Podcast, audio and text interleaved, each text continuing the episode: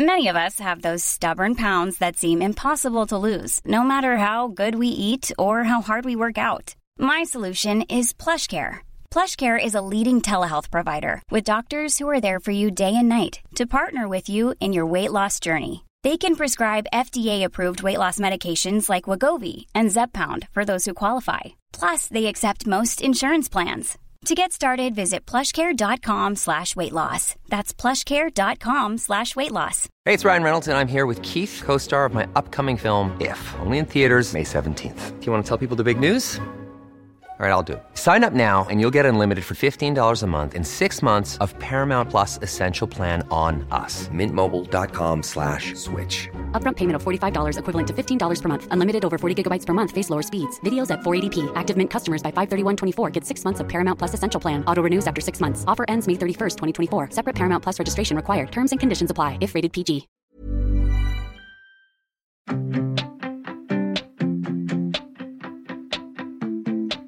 Velkommen til dobbel dose etter en liten pause.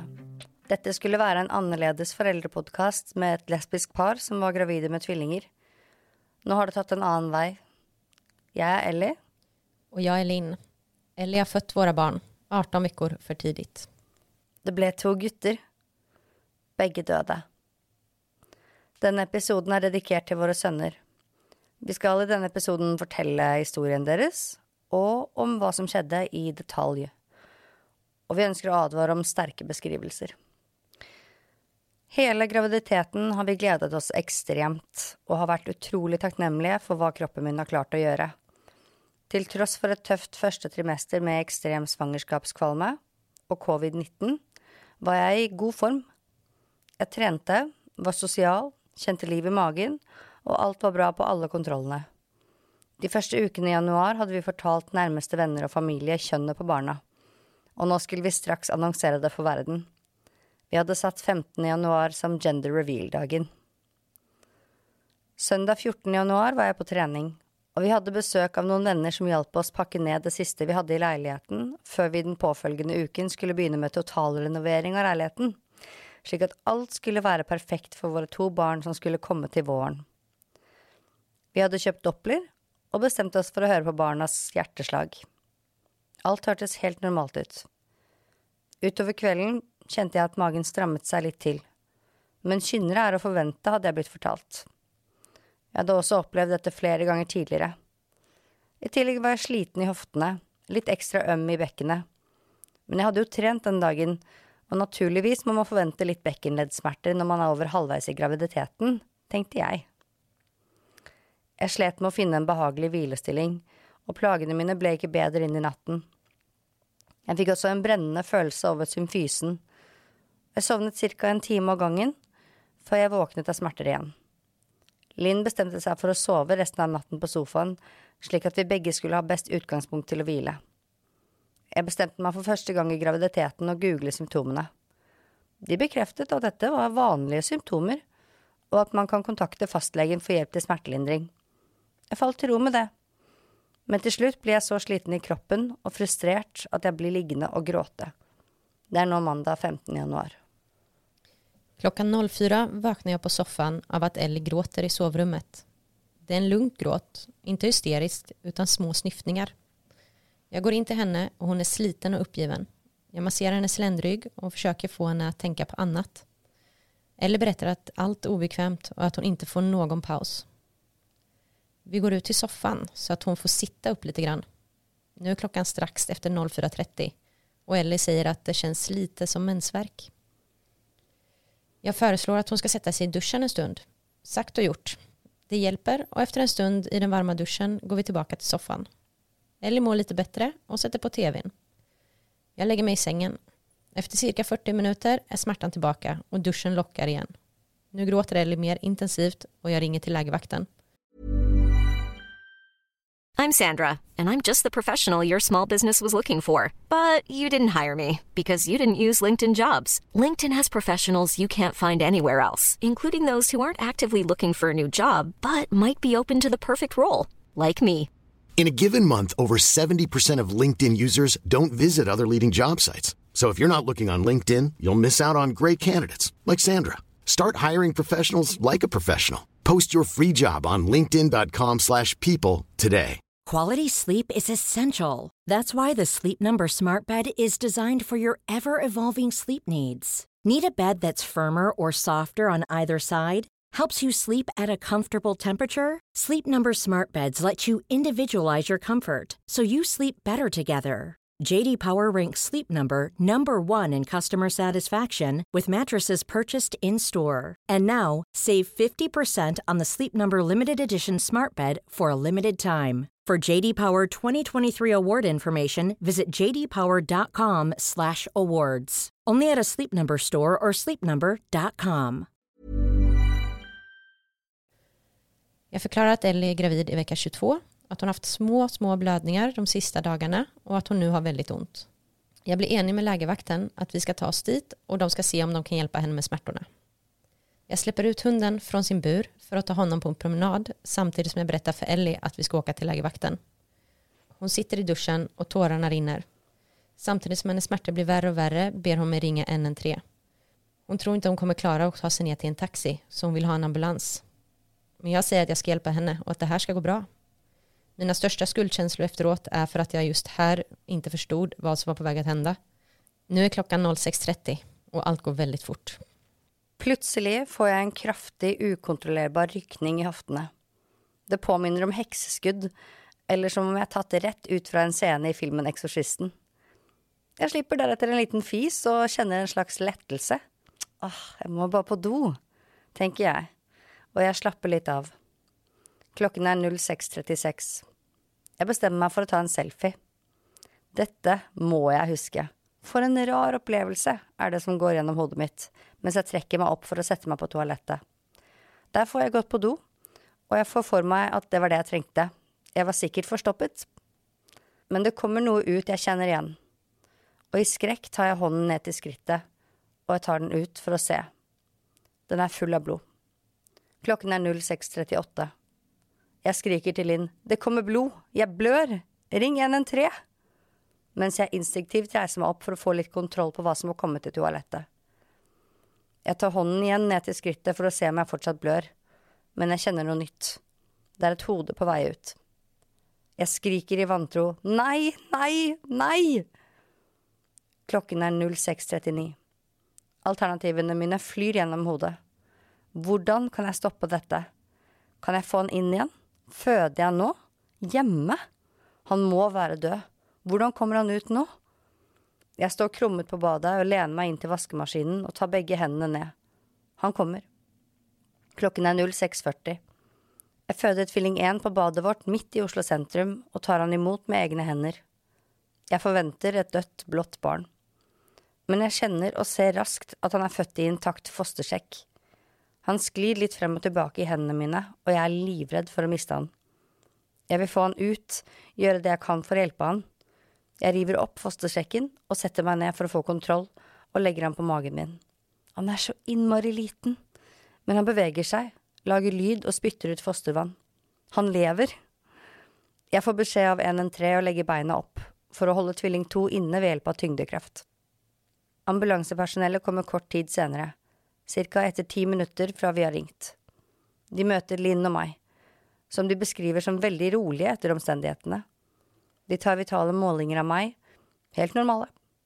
De prøver samtidig å stimulere gutten vår for å få livstegn fra han, da han har sluttet å bevege seg. Ambulansepersonellet spør om jeg har sett livstegn, noe jeg bekrefter. De bestemmer seg for å klippe navlestrengen på han og jobbe separat med han på vaskemaskinen vår. Samtidig skal de ta meg til sykehuset for å få hjelp med vår andre sønn som fortsatt er i magen, og ivareta min helse. De løfter meg inn i en soveposelignende bag, og jeg blir båret ut til ambulansen av det som plutselig har blitt veldig mange personer. Jeg er i sjokk. Jeg er redd. Naken, med en navlestreng mellom beina. Det er snøstorm ute. Jeg spør ambulansearbeideren om han tror på Gud. Han gjør ikke det. Det var synd, sier jeg. Det hadde vært fint om noen her gjorde det nå. Dagen i dag endres inngangene til Rikshospitalet, så det tar noen ekstra sekunder å finne ut hvor de skal. Jeg blir spurt om jeg har rier. Jeg vet ikke. Da hadde jeg ikke vært i den situasjonen jeg er i nå. Men jeg bekrefter at jeg har kramper. Jeg får beskjed om å prøve å knipe igjen. Det er det eneste jeg gjør, i tillegg til å gråte. Det kjennes som at det er 20 personer i vår leilighet. Jeg tror de er seks stykker som bærer ut Ellie. Några har nå kommet tillbaka. Det är två eller tre stycken som jobbar på Tvillinget på tvättmaskinen inne i badrummet.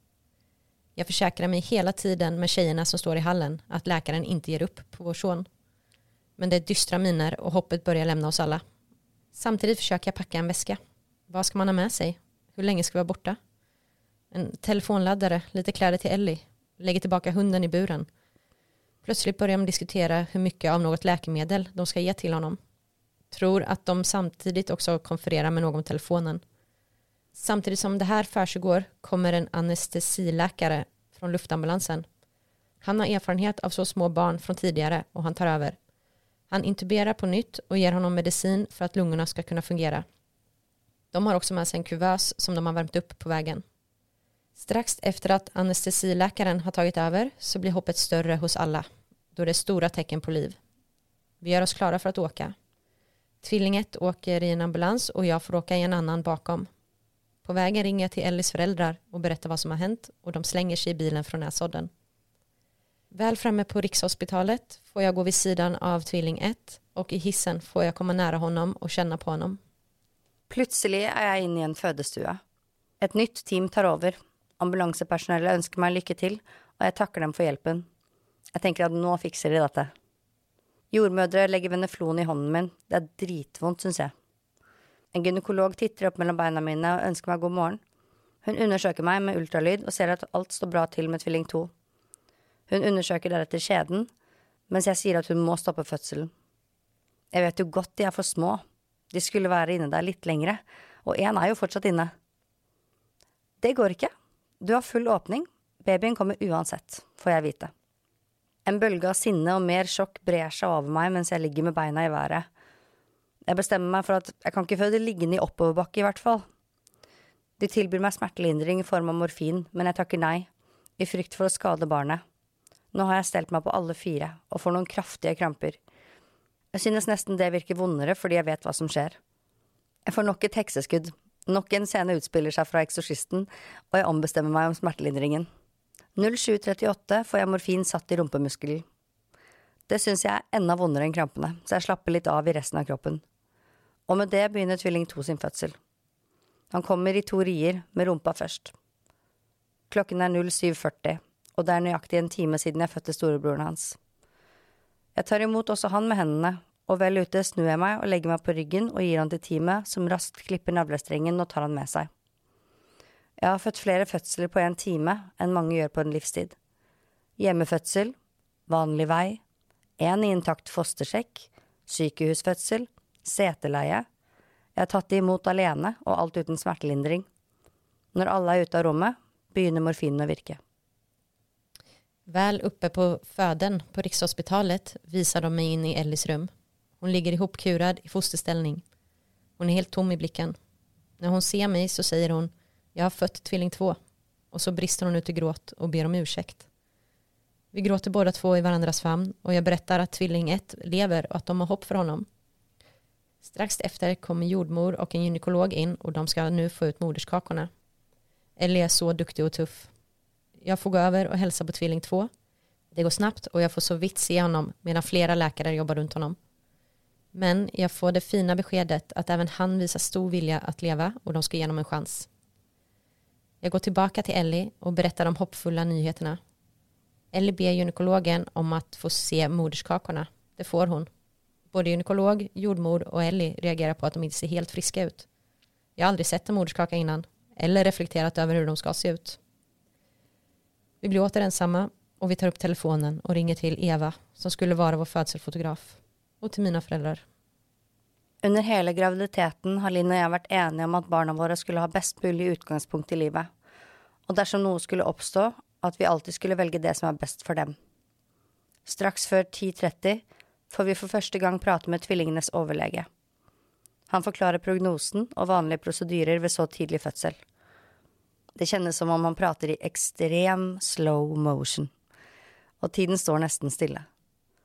Han er nøye med å forklare at å bli født med gestasjonsalder 22 uker er for tidlig. Vanligvis ville de ikke behandlet barn før en uke senere. Det å bli født nå innebærer store risikoer, og konsekvenser innebærer det nesten alltid. Men han forklarer også at begge våre gutter er sterke og har klart og tydelig vist livsvilje. Vi får vite at de tre første døgnene er de mest risikofylte. Da inntreffer ofte hjerneblødninger som kan være fatale. Han sier at selv om det er legene som har siste ord i behandlingen av barna, at de legger stor vekt på foreldrenes ønsker i tilfellene som vi nå befinner oss i. Vi ber han om å gjøre alt han kan for dem, men poengterer også at de ikke skal leve for oss. Overlegen ser oss i øynene, nikker forstående og iler ut til sønnene våre igjen. Ellis föräldrar anländer till Rikshospitalet och cirka klockan 12 får vi gå bort till nyfödd intensivavdelningen och vi får se våra pojkar. De har en slang som går in i näsan og tejp i ansiktet. Det är flera slangar som går ut ifrån naveln och EKG på bröstet. Alla dessa ledningar leder till olika maskiner som rytmiskt lagar ljud. De har också fått blöjor, de minsta som finns, som fortfarande är för stora. De är båda helt perfekta och så vackra trots slangar och maskiner. Och de ser rofyllda ut när de ligger i varsin kuvös. De har båda varsitt team med läkare och sjuksköterskor som följer med på alla deras värden varje sekund. Tvilling 1 väger exakt 500 gram och lillebror är lite mindre med sina 445 gram. Tillsammans med Ellis föräldrar lämnar jag sjukhuset. Det är minus 18 grader och jag har ingen jacka. Vi tar tricken, sen bussen och till slut är vi hemma. Vårt badrum ser ut som ett övergivet krigsfält. Jag stänger dörren dit och släpper ut hunden från sin bur. Han går genast mot badrummet och vankar oroligt fram och tillbaka utanför dörren. Ellis föräldrar tar med sig honom och beger sig hemåt. Jag packar ännu en väska med allt som jag glömt tidigare. Ringer ett par samtal och berättar hoppfullt om vad som har hänt. På vägen tillbaka så går Gutta på Haugen. Jag har lovat Ellie att hon ska få iberikoskinka och ost på födestua. Det här löftet känns otroligt viktigt nu. Jag vill visa henne hur stolt och imponerad jag är över henne. Når Linn er borte, forsøker jeg å organisere så godt jeg kan. Jeg ringer og sender melding til de nærmeste for å fortelle at de har kommet, de lever, og jeg inviterer min beste venninne til oss for å se dem, i tilfelle. Jeg gråter. Jeg ringer forsikringsselskapet mitt, jeg kansellerer gravidyogaen min på Sats, tar bilde av utsikten fra rommet vårt og screenshotter masse fra gravidappene mine og telefonen min for å huske absolutt alt fra denne dagen. Jeg får beskjed om å begynne å pumpe for å få ut råmelk fra brystene. Det er bra for premature, i tilfelle de overlever. Vi ser litt på noen kosebamser vi tenkte de ville like. Vi har håp.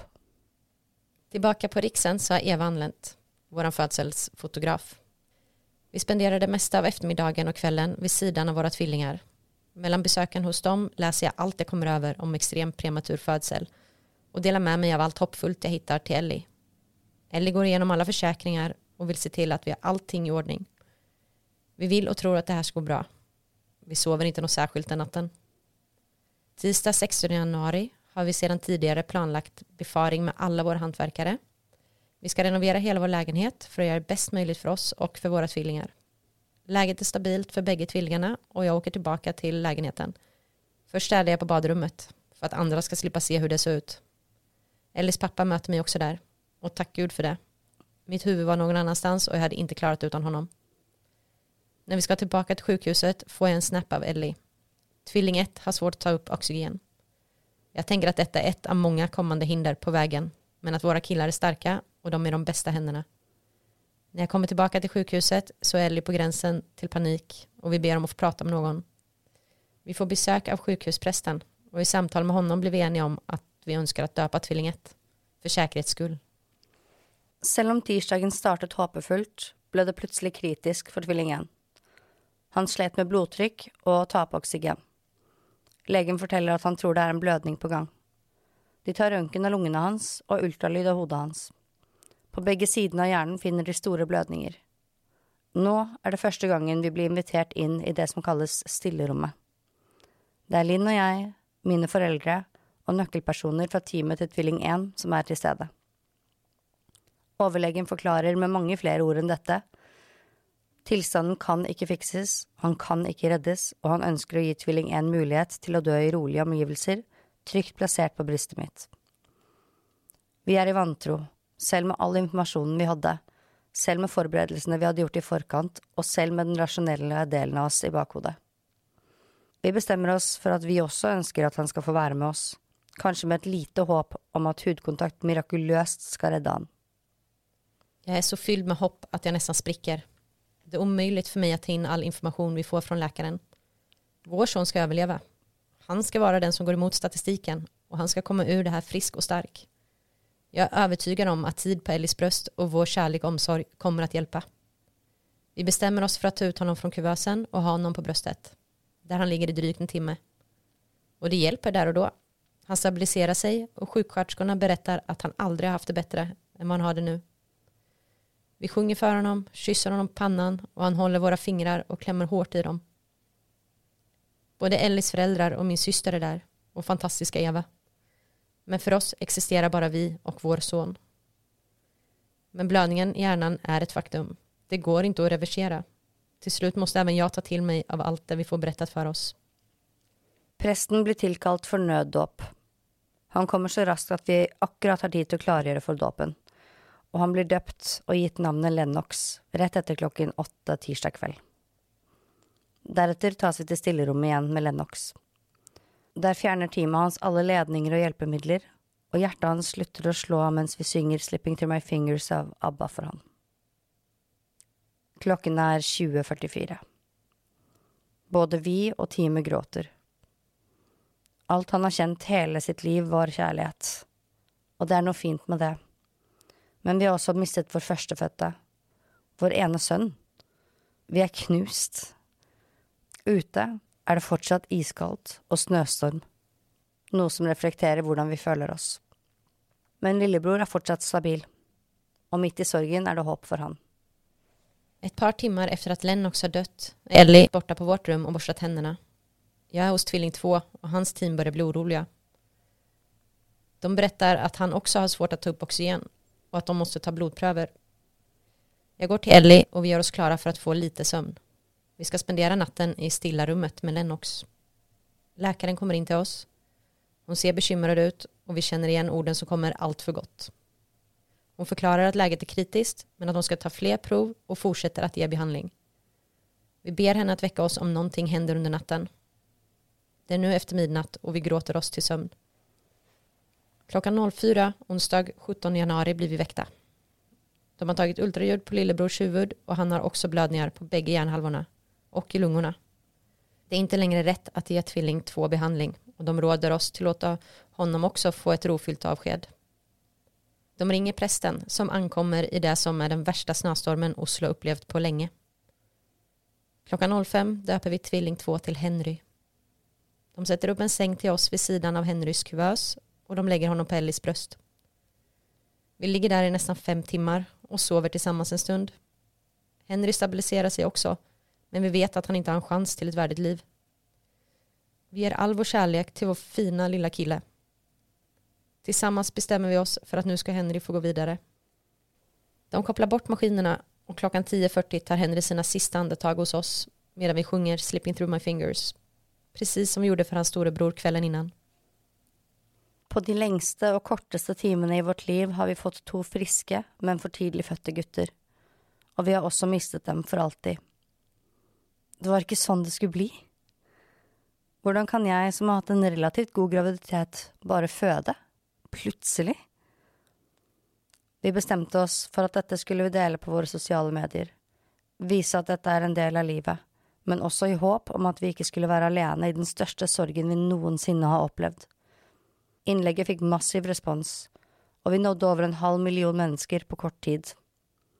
Fra dette har vi mottatt veldig mange meldinger fra andre som har opplevd det samme, eller lignende, og vi er veldig takknemlige for alle som har nådd ut til oss og delt av seg selv, men også dere som har vist uendelig med kjærlighet.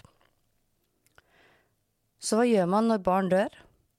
Og hvordan blir veien videre gjennom sorgen, og frem til man får andre barn? Det skal vi prøve å finne ut av, sammen med dere.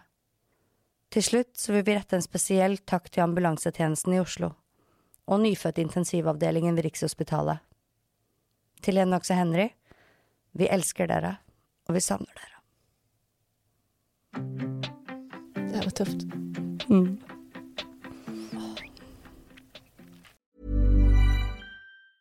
Hey, it's Danny Pellegrino from Everything Iconic. Ready to upgrade your style game without blowing your budget? Check out Quince. They've got all the good stuff shirts and polos, activewear, and fine leather goods, all at 50 to 80% less than other high end brands. And the best part? They're all about safe, ethical, and responsible manufacturing.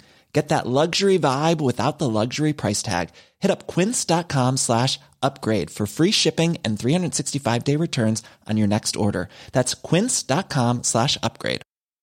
Mom deserves the best, and there's no better place to shop for Mother's Day than Whole Foods Market. They're your destination for unbeatable savings, from premium gifts to show-stopping flowers and irresistible desserts. Start by saving 33% with Prime on all body care and candles. Then get a 15-stem bunch of tulips for just $9.99 each with Prime. Round out Mom's menu with festive rosé, irresistible berry chantilly cake, and more special treats. Come celebrate Mother's Day at Whole Foods Market.